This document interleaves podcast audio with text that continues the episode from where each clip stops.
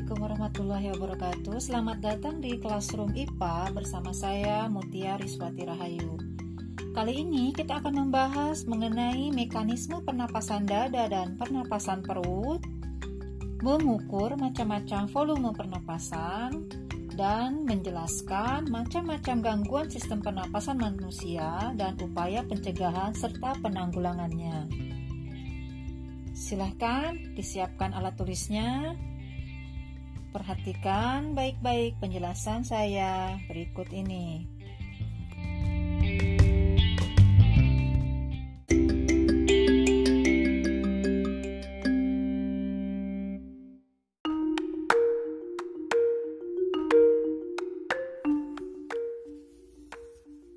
Pada saat kamu bernapas berlangsung dua mekanisme yaitu menghirup udara atau disebut dengan inhalasi atau inspirasi dan menghembuskan udara atau ekshalasi atau ekspirasi yang melibatkan pertukaran udara antara atmosfer dengan alveolus paru-paru.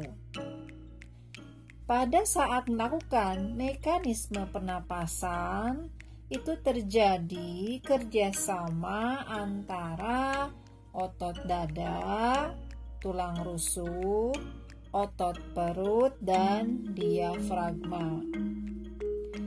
Diafragma adalah otot yang terdapat di antara rongga dada dan rongga perut.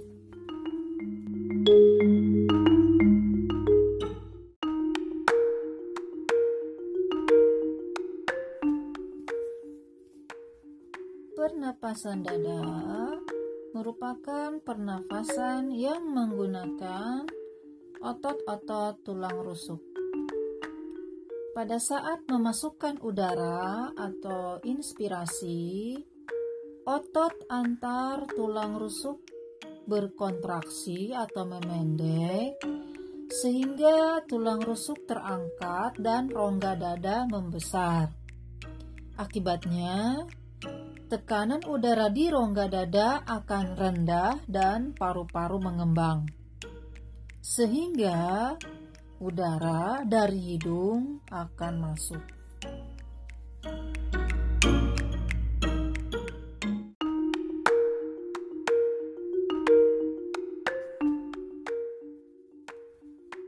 Pada saat mengeluarkan udara, atau ekspirasi pada pernapasan dada terjadi karena otot antar tulang rusuk berelaksasi atau kembali semula, sehingga tulang rusuk kembali ke posisi semula dan rongga dada mengecil seperti semula.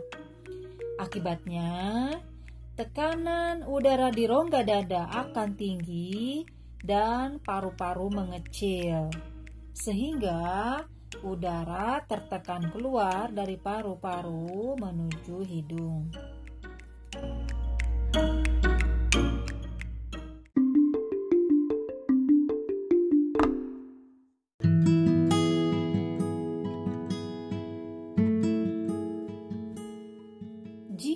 yang berperan dalam pernapasan dada adalah otot antar tulang rusuk, maka yang berperan dalam pernapasan perut adalah otot diafragma. Otot diafragma merupakan otot berbentuk selaput yang membatasi antara rongga dada dengan rongga perut.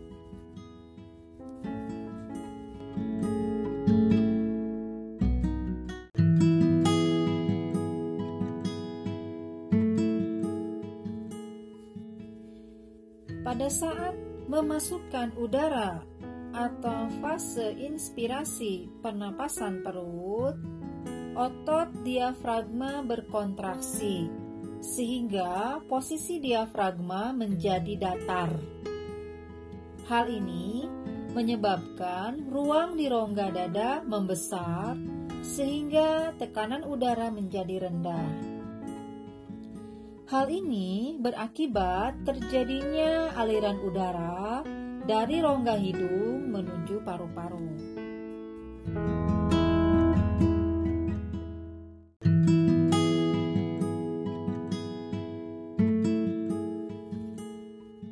Pada saat mengeluarkan udara pada proses pernapasan perut, otot diafragma berelaksasi sehingga posisinya menjadi melengkung seperti semula. Rongga dada mengecil sehingga tekanan udara naik. Udara akan keluar dari paru-paru menuju rongga hidung.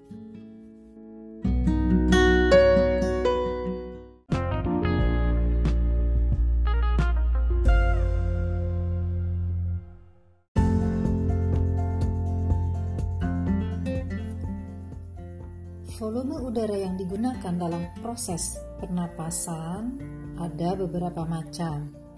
Yang pertama adalah volume tidal, yang kedua adalah volume cadangan ekspirasi, yang ketiga adalah volume cadangan inspirasi, yang keempat adalah volume residu, yang kelima adalah kapasitas vital paru-paru, yang keenam adalah kapasitas total paru-paru.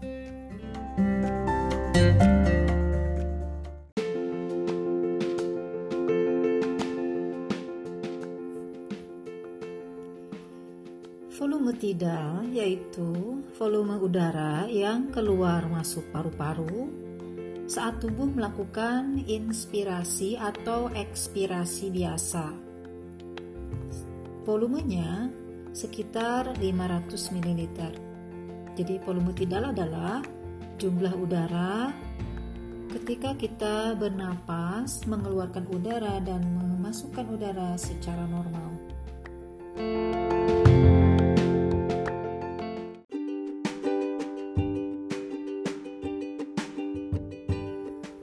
Volume cadangan ekspirasi atau volume udara suplemen adalah volume udara maksimum yang dapat dihembuskan setelah ekspirasi yang dilakukan secara normal.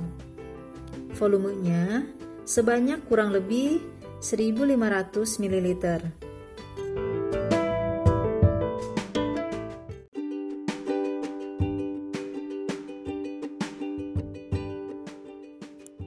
Seperti halnya seorang anak yang sedang meniup sebuah balon.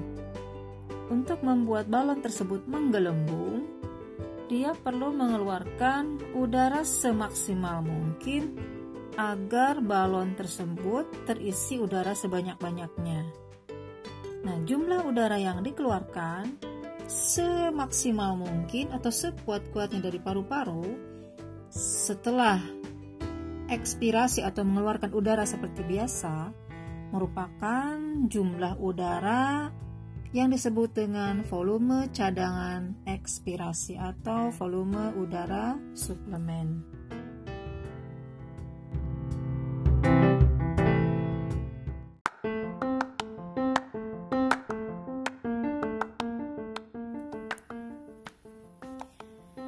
Volume cadangan inspirasi atau volume udara komplementer adalah volume udara maksimum yang dapat dihirup setelah inspirasi yang dilakukan secara normal.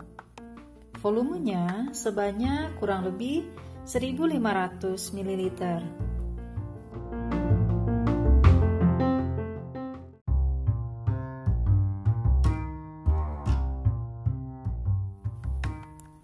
Volume residu atau volume sisa adalah volume udara yang masih terdapat di dalam paru-paru setelah ekspirasi maksimal. Volumenya sebanyak kurang lebih 1000 ml.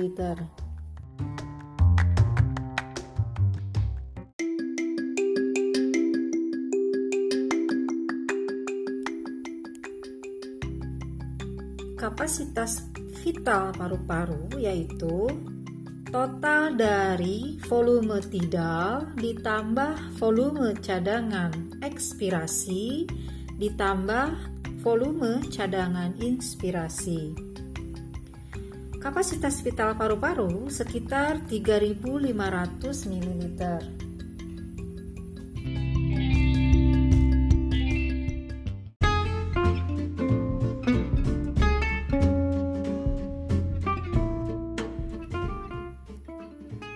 Kapasitas total paru-paru yaitu volume udara yang dapat ditampung secara maksimal dalam paru-paru. Volume kapasitas total paru-paru yaitu volume kapasitas vital paru-paru ditambah volume residu. Volumenya sekitar 4500 ml.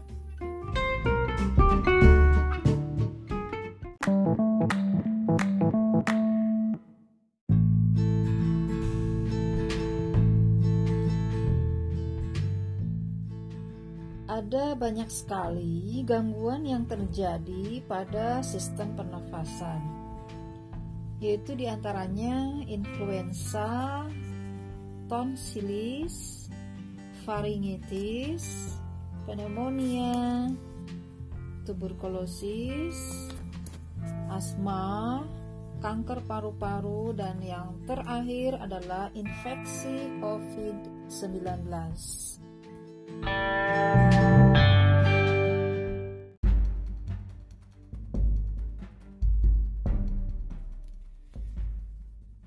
Penyakit influenza merupakan penyakit yang disebabkan oleh infeksi influenza virus. Gejala umum influenza yaitu demam lebih dari 39 derajat Celcius, pilek, bersin-bersin, batuk, sakit kepala, sakit otot, dan rongga hidung terasa gatal. Banyak orang mengira flu sama dengan batuk pilek biasa, walaupun gejalanya mirip. Kedua kondisi ini disebabkan jenis virus yang berbeda. Gejala flu lebih parah dan menyerang secara mendadak, sedangkan batuk pilek biasa cenderung ringan dan muncul secara bertahap.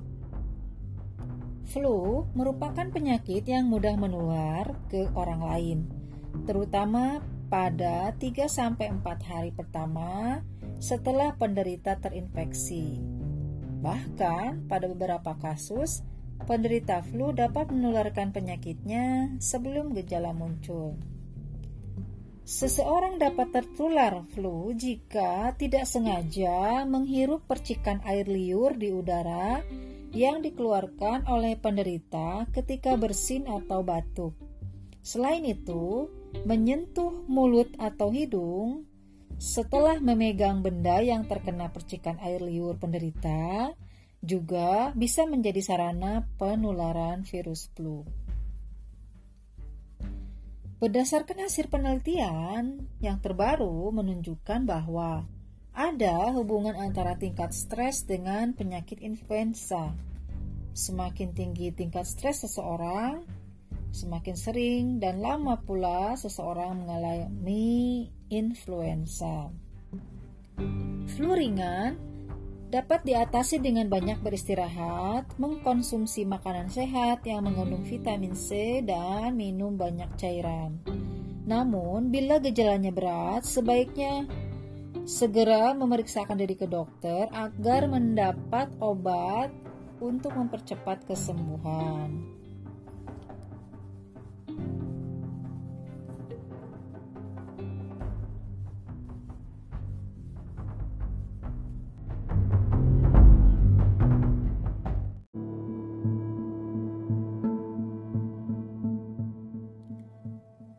silis disebut juga radang amandel. Kondisi ini terjadi ketika amandel mengalami peradangan. Meski umumnya dialami oleh anak-anak usia 3-7 tahun, radang amandel juga dapat terjadi pada orang dewasa. Amandel atau tonsil merupakan dua kelenjar kecil yang ada di tenggorokan.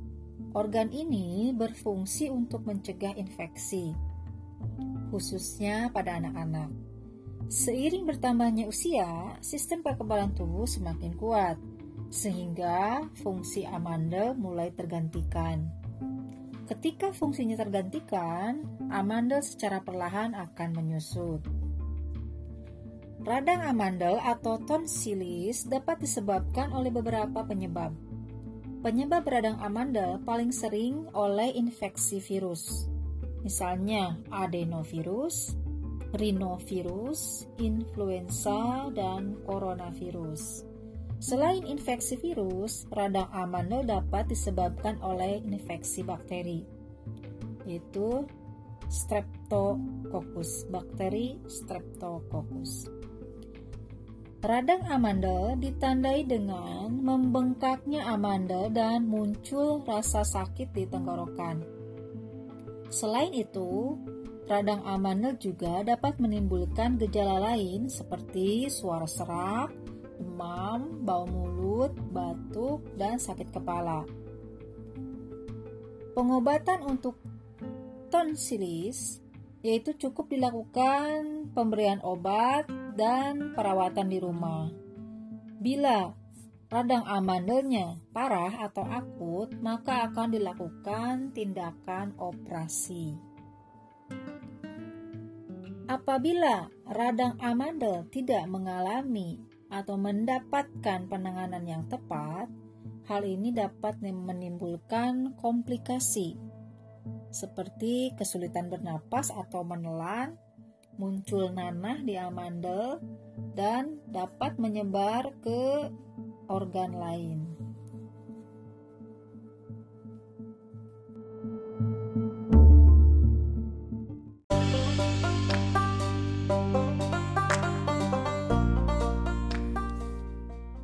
Faringitis adalah infeksi pada faring oleh kuman penyakit seperti virus, bakteri, atau jamur. Virus yang dapat menyebabkan faringitis misalnya adenovirus, ortomisovirus, rinovirus, dan coronavirus. Banyak bakteri yang dapat menginfeksi faring.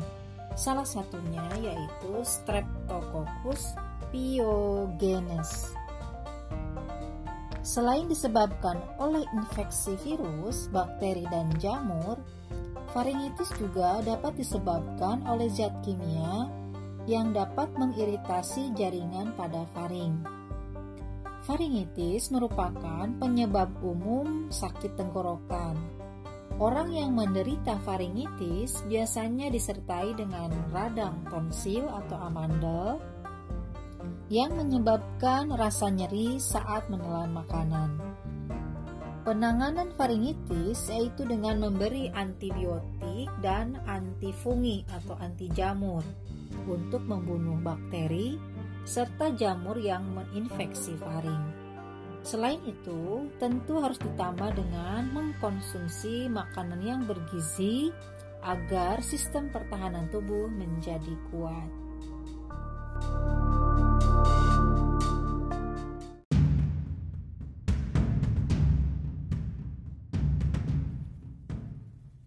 Pneumonia merupakan infeksi pada bagian paru-paru, terutama pada bagian bronchiolus dan alveolus.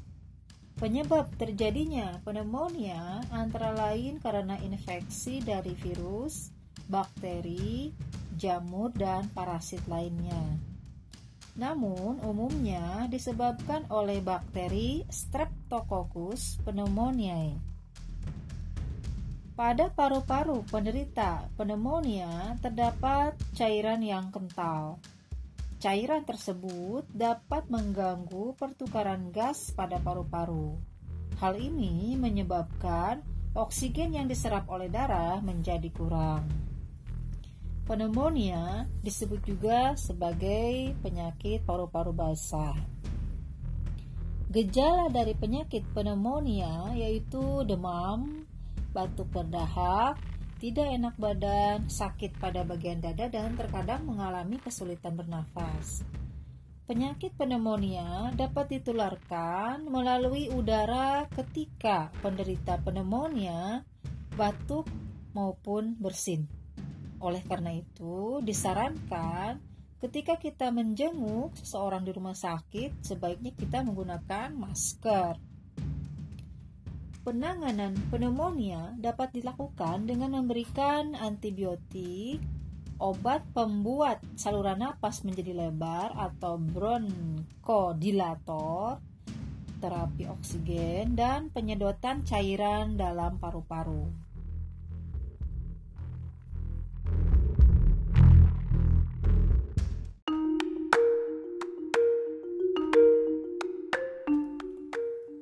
tuberkulosis atau disebut juga TBC dikenal juga dengan penyakit TB adalah penyakit paru-paru akibat kuman Mycobacterium tuberculosis. TBC akan menimbulkan gejala berupa batuk yang berlangsung lama, yaitu lebih dari 3 minggu. Biasanya berdahak dan terkadang mengeluarkan darah. Kuman TBC tidak hanya menyerang paru-paru, tetapi juga bisa menyerang tulang, usus, atau kelenjar. Penyakit ini ditularkan dari percikan ludah yang keluar penderita TBC ketika berbicara, batuk, atau bersin. Penyakit ini lebih rentan terhadap seseorang yang kekebalan tubuhnya rentan, misalnya penderita HIV. Gejala tuberkulosis yaitu demam, lemas, berat badan turun, tidak nafsu makan, nyeri dada, dan bahkan berkeringat di malam hari. TBC dapat dideteksi melalui pemeriksaan dahak Beberapa tes lain yang dapat dilakukan untuk mendeteksi penyakit ini yaitu dengan cara foto ronsen dada, tes darah, dan tes kulit. TBC dapat disembuhkan jika penderitanya patuh mengkonsumsi obat sesuai dengan resep dokter. Biasanya penderita butuh waktu yang lama yaitu sekitar 6 bulan dalam mengkonsumsi obat. Pengobatan penyakit TBC membutuhkan waktu yang lama dan biaya tidak sedikit.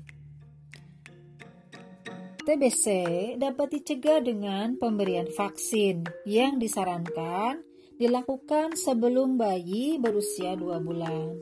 Selain itu, pencegahan juga dapat dilakukan dengan cara mengenakan masker saat berada di tempat ramai, Tutupi mulut saat bersin, batuk, dan tertawa, tidak membuang dahak atau meludah sembarangan.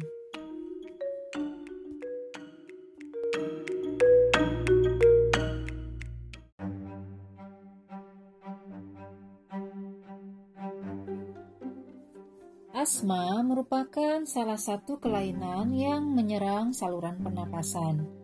Asma dapat disebabkan oleh faktor lingkungan. Faktor lingkungan yang dapat menyebabkan asma diantaranya masuknya zat pemicu alergi atau disebut juga alergen dalam tubuh.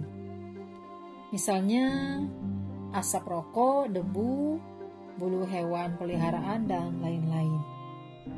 Masuknya alergen akan memicu tubuh untuk menghasilkan senyawa kimia seperti prostaglandin dan histamin.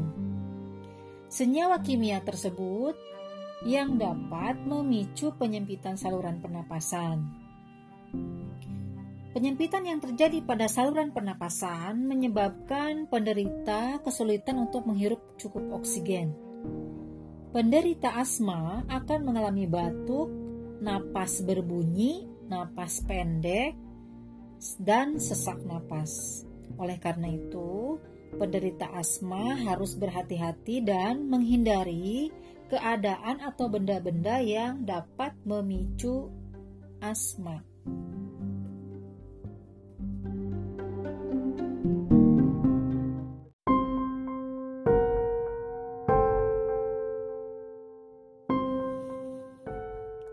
paru-paru terjadi karena pertumbuhan sel-sel yang tidak terkendali pada jaringan dalam paru-paru.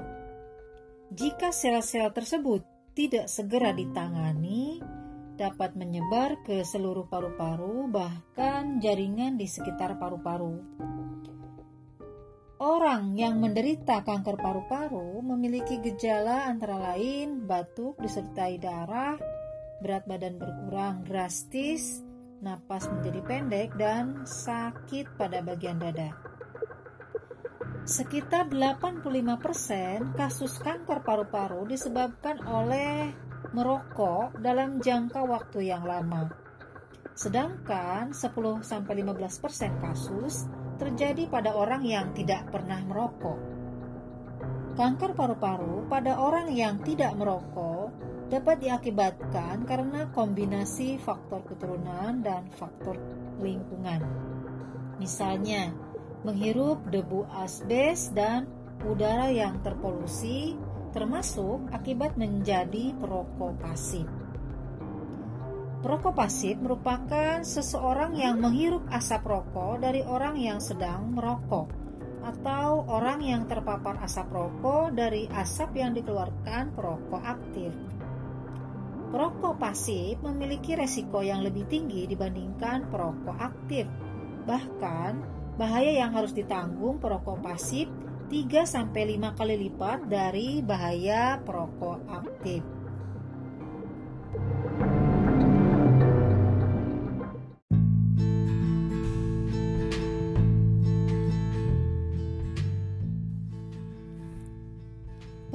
pasif lebih berbahaya tiga kali lipat dibanding menghisap rokok sendiri atau rokok aktif karena racun rokok terbesar dihasilkan oleh asap yang mengepul dari ujung rokok yang sedang tak dihisap. Asap tersebut merupakan hasil dari pembakaran tembakau yang tidak sempurna. Konsentrasi zat berbahaya di dalam tubuh perokok pasif lebih besar karena racun yang ia isap lewat hidungnya tidak tersaring. Sedangkan racun rokok dalam tubuh perokok aktif tersaring melalui ujung rokok yang diisap.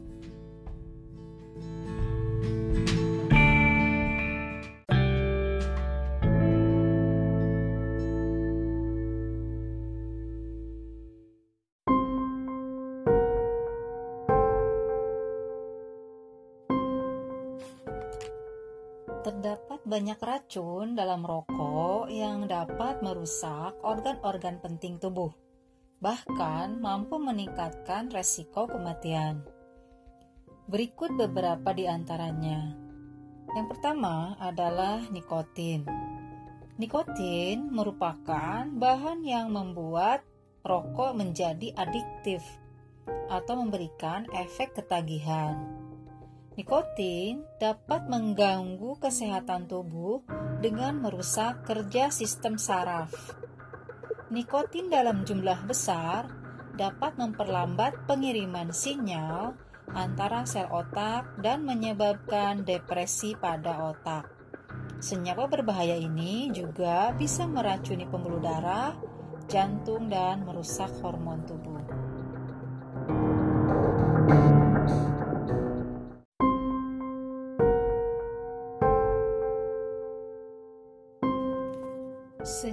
racun dalam rokok yang kedua adalah aseton. Aseton adalah zat kimia yang terkandung dalam cairan pembersih, kuteks, dan campuran komponen lem super. Ketika aseton dihirup melalui rokok, dapat menyebabkan penyakit kulit, sakit kepala, badan lemas, pusing, mual, muntah, serta iritasi hidung.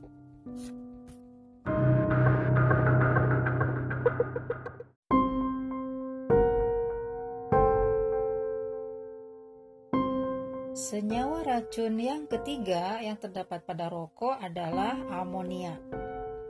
Amonia merupakan zat beracun yang merupakan komponen dari bahan pembersih, pemutih, dan deodoran. Dalam rokok, amonia berfungsi untuk meningkatkan kerja nikotin sehingga memiliki efek kecanduan lebih besar. Racun dalam rokok yang satu ini dapat menimbulkan iritasi pada saluran pernapasan sehingga timbul gejala batuk dan nyeri tenggorokan. Senyawa ini juga dapat meningkatkan resiko pneumonia dan kanker paru-paru.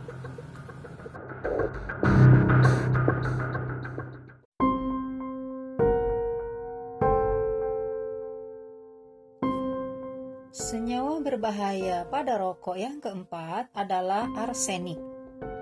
Arsen ialah bahan kimia beracun yang terdapat di logam, tanah, dan biasanya dimanfaatkan sebagai racun tikus. Senyawa berbahaya ini juga diketahui berkontribusi terhadap kanker paru, kulit, kandung kemih, hati, dan ginjal. Arsenik berada dalam rokok bersumber dari pestisida yang digunakan oleh petani tembakau. Meskipun tembakau telah melalui proses pengolahan, senyawa ini tidak hilang dalam asap rokok.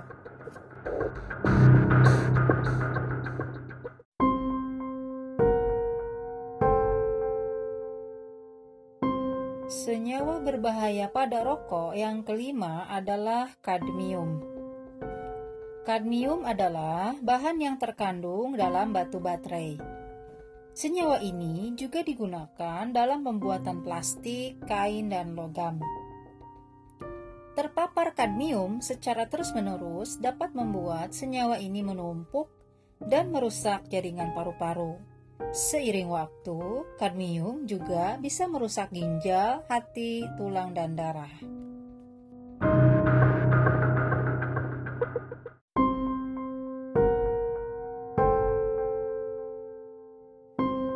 Senyawa berbahaya yang keenam yang terdapat pada rokok adalah formaldehida.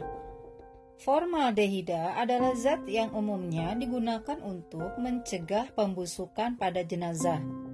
Senyawa ini juga digunakan dalam produksi lem dan bahan disinfektan. Menghirup senyawa racun dalam rokok yang satu ini dapat menyebabkan iritasi pada sel dan saluran pernafasan. Selain itu, formaldehida juga berisiko menyebabkan kanker pada hidung, trakea, hingga darah.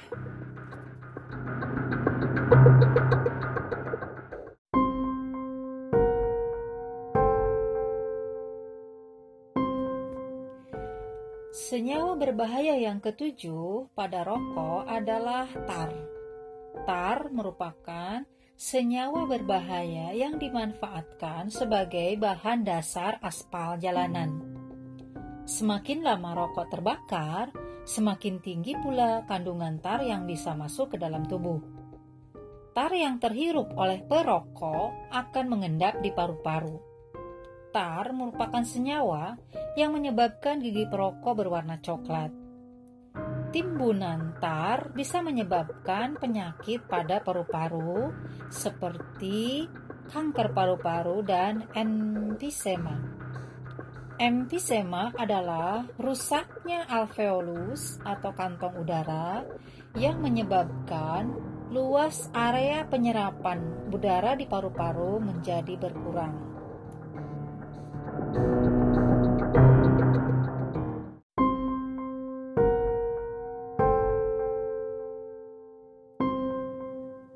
Senyawa berbahaya yang kedelapan yang terdapat pada rokok adalah karbon monoksida. Senyawa racun karbon monoksida dalam rokok ketika masuk ke dalam saluran pernafasan akan mengikat hemoglobin dan menghasilkan karbosi hemoglobin. Hal ini membuat kadar oksigen yang beredar ke seluruh tubuh berkurang. Kenapa berkurang? Karena yang seharusnya hemoglobin mengikat oksigen banyak, ini terikat oleh karbon monoksida. Jika kadar karbon monoksida dalam darah mencapai lebih dari 1%, maka akan menimbulkan gejala berupa sakit kepala, cepat lelah, gangguan penglihatan, dan denyut jantung meningkat.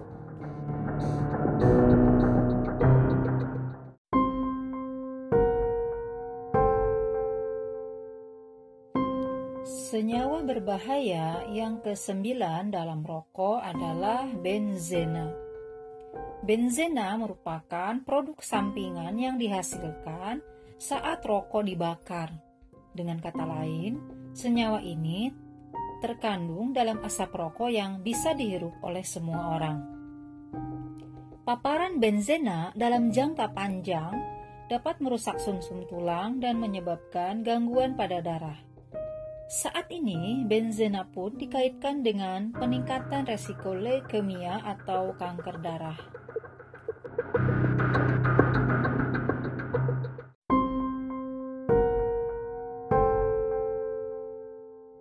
Senyawa berbahaya yang ke-10 yang terdapat pada rokok adalah hidrogen sianida Hidrogen cyanida adalah gas beracun yang biasa digunakan untuk menghukum mati narapidana.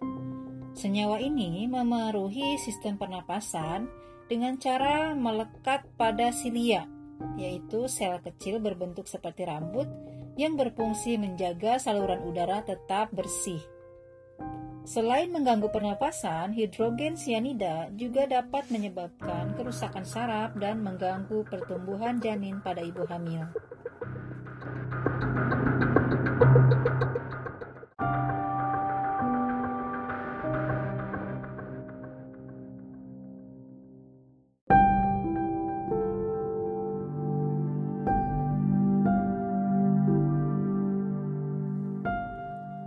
Salah satu gangguan penyakit saluran sistem pernapasan akut yang sekarang menjadi pandemik atau penyakit yang tersebar luas di seluruh dunia adalah COVID-19.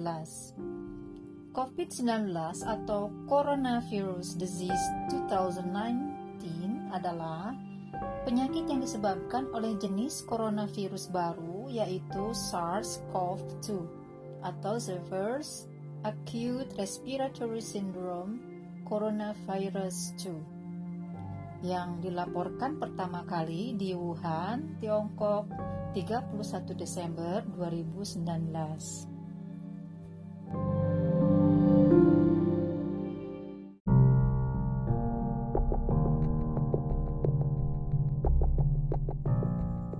COVID-19 ditularkan dari manusia ke manusia melalui cara-cara berikut.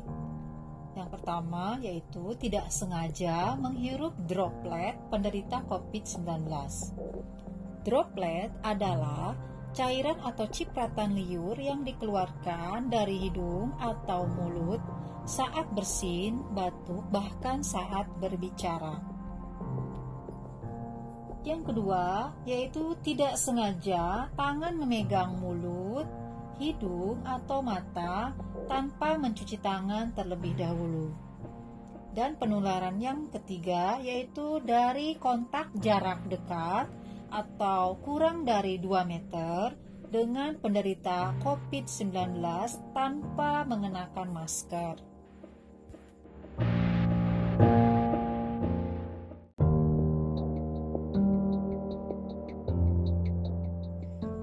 Secara umum, ada tiga gejala yang bisa menandakan seseorang terinfeksi COVID-19, yaitu demam dengan suhu tubuh di atas 38 derajat Celcius, batu kering, dan sesak nafas.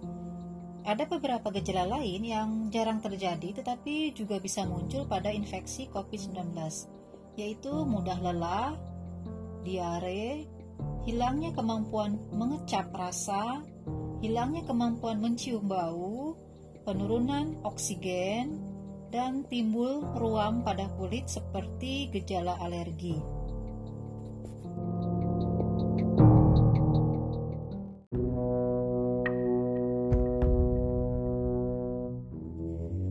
OTG adalah orang tanpa gejala, yaitu seseorang yang tidak bergejala dan memiliki resiko telah tertular dari orang yang terkonfirmasi COVID-19, di mana OTG memiliki kontak erat dengan kasus konfirmasi atau pasien positif COVID-19.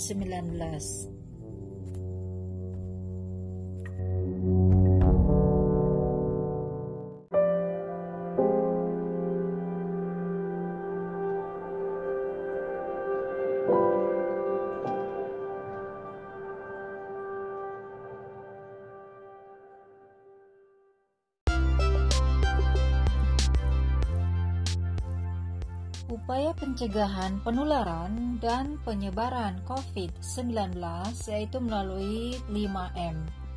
Yang pertama memakai masker, yang kedua mencuci tangan, yang ketiga menjaga jarak, yang keempat menjauhi kerumunan, yang kelima mengurangi mobilitas. Pakailah masker saat berada di luar rumah atau ketika berkumpul bersama kerabat dimanapun berada. Cucilah tangan menggunakan air mengalir dan sabun secara berkala. Jika tidak ada air dan sabun, bisa menggunakan hand sanitizer untuk membersihkan tangan dari kuman-kuman yang menempel. Jika ada keperluan mendesak, harus pergi keluar rumah, ingatlah untuk menjaga jarak satu sama lain.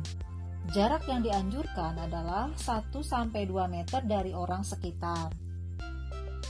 Jauhilah kerumunan saat berada di luar rumah. Ingat, semakin banyak dan sering bertemu orang, kemungkinan terinfeksi corona bisa semakin tinggi. Tetaplah berada di rumah, kecuali ada keperluan mendesak. Meski sehat dan tidak ada gejala penyakit, belum tentu bisa pulang ke rumah dengan keadaan yang masih sama.